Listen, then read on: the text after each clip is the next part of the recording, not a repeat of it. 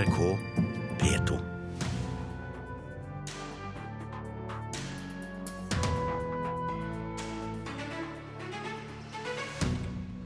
Lokalhistoriske spill er et viktig sted for å rekruttere skuespillere, mener regissøren av Spelet på Stiklestad. Danmark får nytt rockemuseum. Engelske David Peace har skrevet en fotballbok med appell også for dem uten ballinteresse, sier vår anmelder.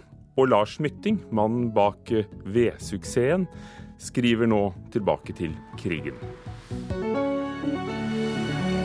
Og han møter vi her i Kulturnytt i Nyhetsmorgen med Ugo Fermariello i studio i dag.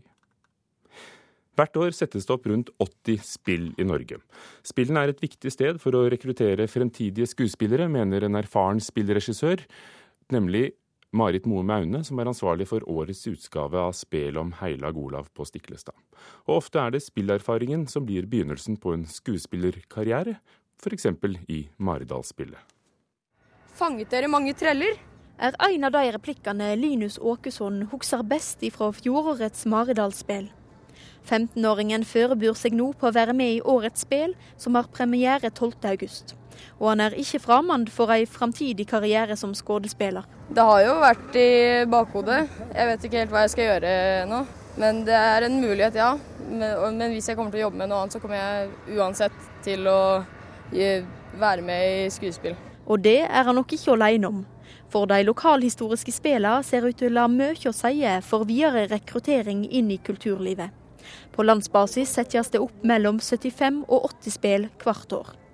Regissør Marit Moum Aune ser at mange unge får smaken for skuespill etter møtet med spillkulturen. Vi ser jo at enormt mange skuespillere kommer fra de stedene hvor det finnes store eh, spill. Eh, men da er det ikke spill i seg sjøl, for jeg tenker en del av de spillene er jo ikke akkurat sånn grusomt utviklende tematikk, eller sånn, men det er det at det ofte da utvikler seg et amatørmiljø. Og kombinasjonen mellom at man driver amatørvirksomhet i løpet av hele året, og at man treffer proffe skuespillere, proffe instruktører, proffe kampsportinstruktører, kordirigenter det, det, tror jeg nesten Jeg tror at der tror jeg kulturpengene får stort bytte, utbytte, altså. På men landet gjorde han fri. Spelet om Olav den heilage på Stiklestad, alle spels mor, har fostra mang en skuespiller, bl.a. Paul Ottar Haga. Man blir så fanga av Det er en sånn en boble, da, som man går inn i den der speltida. og og eh, fellesskapet, og man blir venner med de proffene som kommer fra Oslo. og Det var liksom veldig eksotisk, da. Haga er samd i at de lokalhistoriske spillene er en viktig rekrutteringsarena. Det der fantastiske møtet mellom proff og amatør, hvor amatørene får bli kjent med å være sosialt sammen med de profesjonelle og får en type innblikk i det, den type teaterarbeid, det er jo en enorm inspirasjonskilde, selvfølgelig. og og helt klart spiren til at jeg gikk videre inn i det profesjonelle livet, da. Da er det godt å ikke ha stelt seg slik at vi skal møte Jesus Kristus med røva gods. Eller så vinn med slaget! Ja! At når jeg kom til Røros for sju år siden og gjorde det spillet der som heter Elden, større og mer omfattende, så ser vi nå at flere av ungdommene fra Røros utdanner seg nå til skuespillere enn tidligere. Det skjedde veldig stor grad etter at det kom inn flere profesjonelle krefter. For tidligere var det eh, Elden på Røros et rent amatørspill med en profesjonell instruktør. Men det at jeg hadde med profesjonelle skuespillere, har nok stimulert veldig. Så nå er det flere der som holder på å bli skuespillere. Nå gleder skuespillerspira Linus Åkesson seg til årets Maridalsspill. I år så er jo, eh, så er jo skuespillet skrevet eh, på nytt. Og jeg håper det blir en bra story og eh, eh, mye, mange flotte overraskelser. Og reporter var Guro Kvalnes.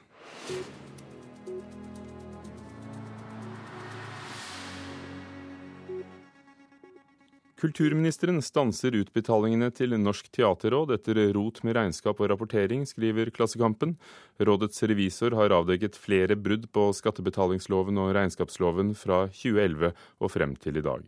Norsk teaterråd er en paraplyorganisasjon for 17 organisasjoner som driver med amatørteater.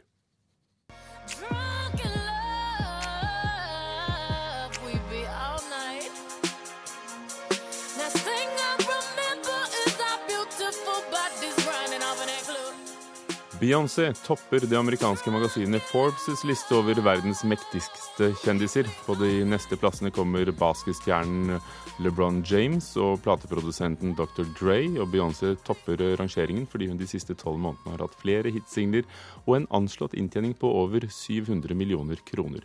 Fjorårets mektigste kjendis, TV-stjernen Oprah Winfrey, er skjøvet ned til en fjerdeplass. Det danske mediehuset Berlingske, som utgir avisene Berlingske og Weekendavisen, er solgt for 1,8 milliarder danske kroner. Kjøper er belgiske De Peers Group Publishing, som eier flere aviser i Belgia og Nederland. Avisen, som tidligere het Berlingske Tidene, nå bare Berlingske, utkom første gang i januar 1749 og er Danmarks eldste eksisterende avis. I går ble en første spadestikk tatt for Danmarks rockemuseum i Roskilde. De seneste årene er det blitt bygget en rekke pop- og rockmuseer i Europa. Det danske museet har vært planlagt i over ti år og skal vise hvordan pop- og rockemusikken gjennom sitt 60-årige historie har påvirket det danske samfunnet. Come on, Barbie, let's go party.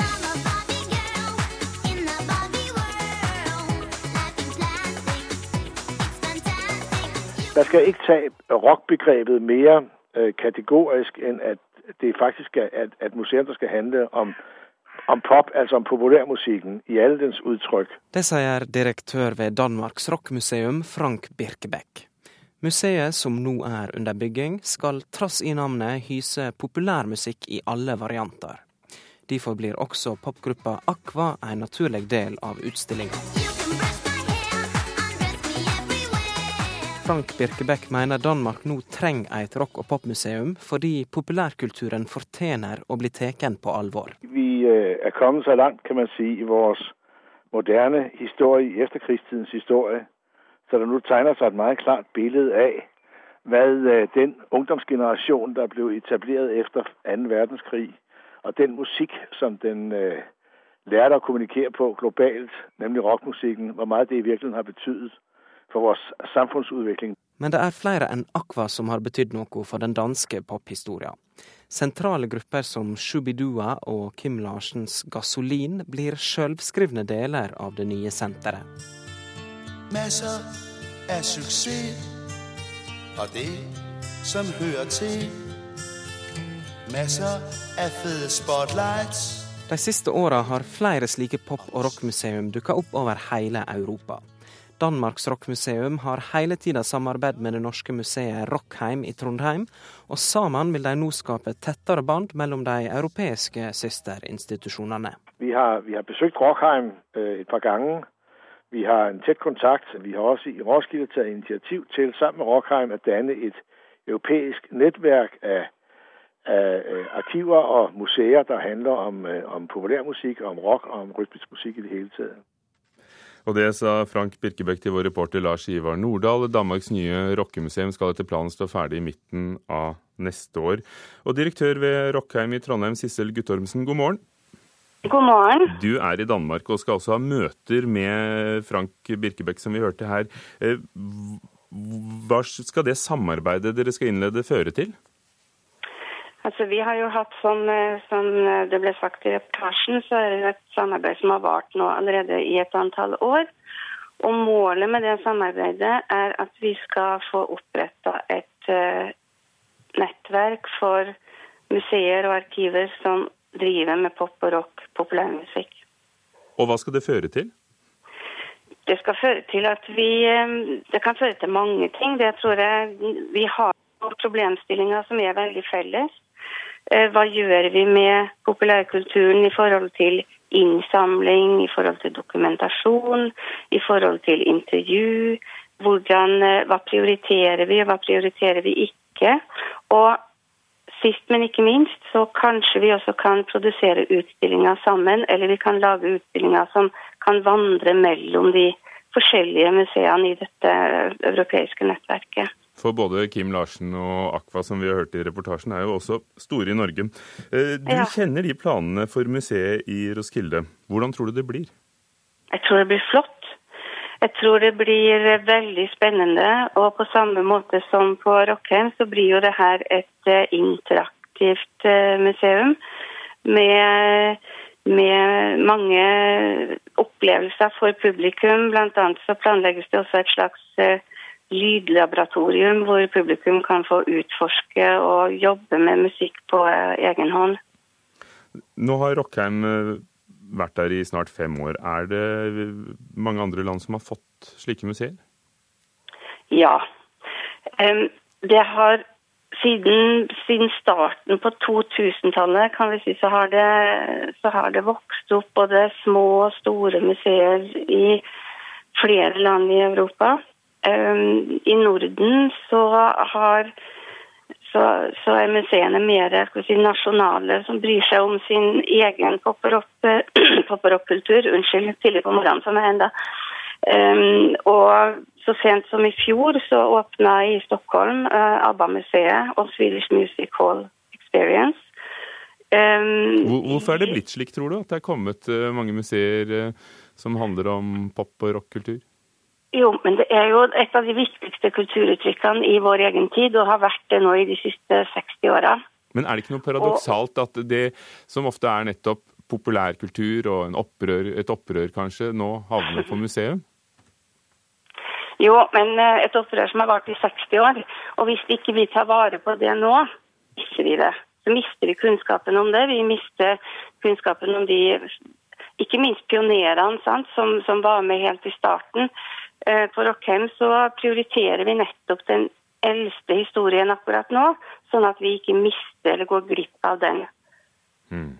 Takk skal du ha, Sissel Guttormsen, som er direktør eh, nettopp ved Rockheim, som bl.a. snakket om planene for rockemuseet med Roskilde, som åpner i Danmark til neste år.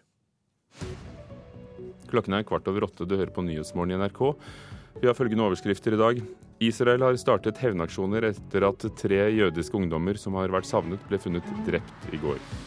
Nordmenn synes ikke det er deres jobb å løse miljø- og klimaproblemene. Folk flest mener politikerne har ansvaret. Og vår anmelder her i Kulturnytt har lest en fotballbok med appell også for lesere uten ballinteresse, og hva han har å si, hører vi senere i Kulturnytt. Når de amerikanske punkrockerne i The Offspring kommer til HV-festivalen, er det bl.a. et resultat av en kampanje fra en norsk fan. I år er Øystein Langøens kamp kronet med seier. I kveld står favorittbandet hans på scenen. Bondag, lieben,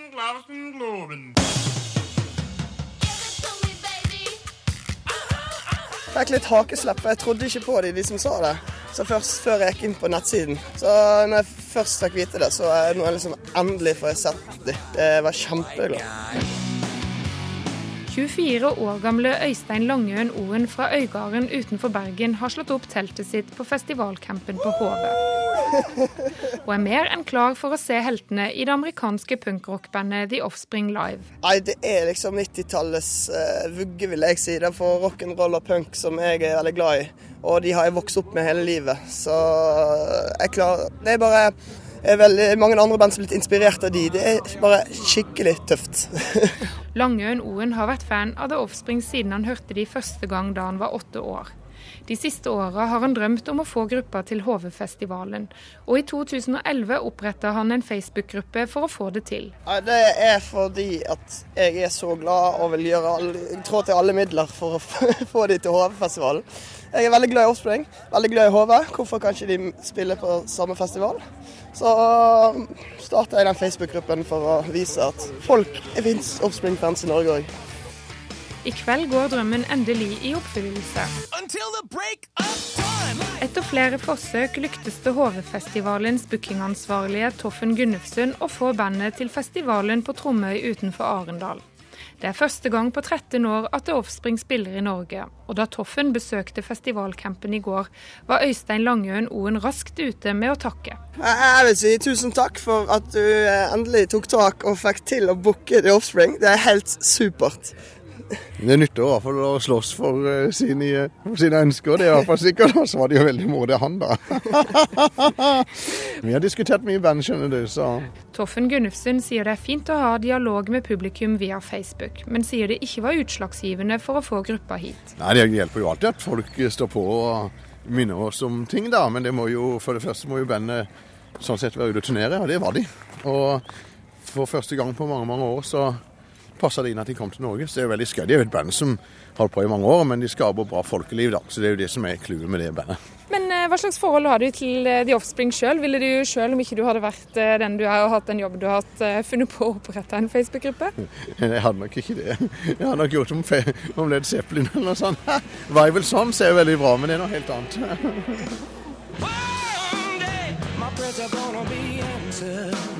Om bare noen timer får endelig Øystein Langøen Oen se The Offspring på scenen. Noe møte med heltene kan imidlertid ikke Toffen Gunnufsen love. Det er det som er utfordringen. Det er jo bandet som bestemmer, kan du si. Så sånn Meet and greet er generelt sett veldig vanskelig, altså. Og det er veldig sånn dagsformorientert, så det kan være en flaks, liksom. Så får du de, og så får du ikke.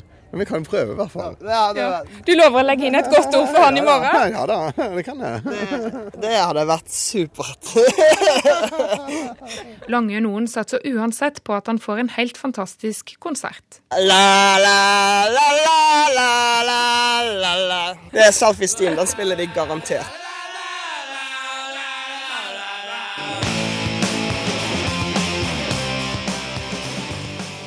Reporter før kveldens Offspring-konsert på Hovefestivalen, Miriam Grov. Denne uken begynner søk etter tre kanoner i Glomma. Riksantikvaren, Østfold fylkeskommune og Norsk sjøfartsmuseum står bak undersøkelsene. Og historier forteller at kanonene ble dumpet i elven etter tilbaketoget fra Langens skanse i Askim i 1814. Arkeolog Per Erik Gjesvold i Østfold tror det er noe i disse historiene så mange varianter av den der at det der er det noe i. En eller annen kjerne der er det. Sier arkeolog Per Erik Gjesvold. I våres var han med på å undersøke Langnes ganse i Askim. De fant bl.a. 68 grams kuler på et jorde. Disse er han så godt som sikker på stammer fra kanoner fra Fredrikstad, som ble brukt i slaget ved Langnes skanse i 1814. Så veit vi de trekker seg ut. Så har vi historia med disse her tre kanonene som ikke blir med. Det må ha vært de. For det som står på festningene, det står stort sett på annen affutasje, altså disse her trestrukturene, huggene nærmest, som kanonene ligger i. Og det som brukes på festningene er ikke det samme som brukes i felt. Og dermed så har du et problem med å få frakta dette greiene. I fred og ro så er ikke det et problem. Men over ei pantongbro, eh, som er bygd der da i to omganger, egentlig. Opp brattene på Spydbergsida, der er det veldig bratt. Eh, så gir det mening at det er disse kanonene som går i elva. Det er dypt i Glomma der arkeologene antar at kanonene kan ligge. Et dykkefirma kommer denne uka for å søke med et såkalt magnetometer. Er kanonene der, blir de funnet, sier Esvold. I utgangspunktet så blir de ikke tatt opp av den enkle grunn at det koster skjorta. Koster mye penger. Eh, men så er det andre vurderinger igjen, som, som bl.a. involverer Forsvarsmuseet og, og Norsk Maritimt Museum, som har ansvarsområdet for dette her. Da. Det er en annen skål. Arkeolog Per Erik Gjesvold fra Østfold fylkeskommune om de tre kanonene som kanskje ligger i Glomma. Reporter Anne Ognedal.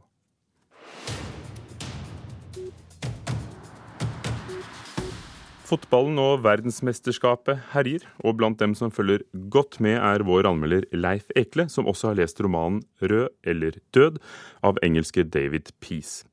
En av de beste fotballbøkene han har lest, men hva er det i denne for leserne som ikke bryr seg om ballspill? Jeg har fått spørsmålet flere ganger. Mener du virkelig at dette lesende mennesket, som bare er moderat interessert i fotball, gidder kan ha glede av å lese denne mursteinen av en roman på 700 sider om en historisk fotballtrener.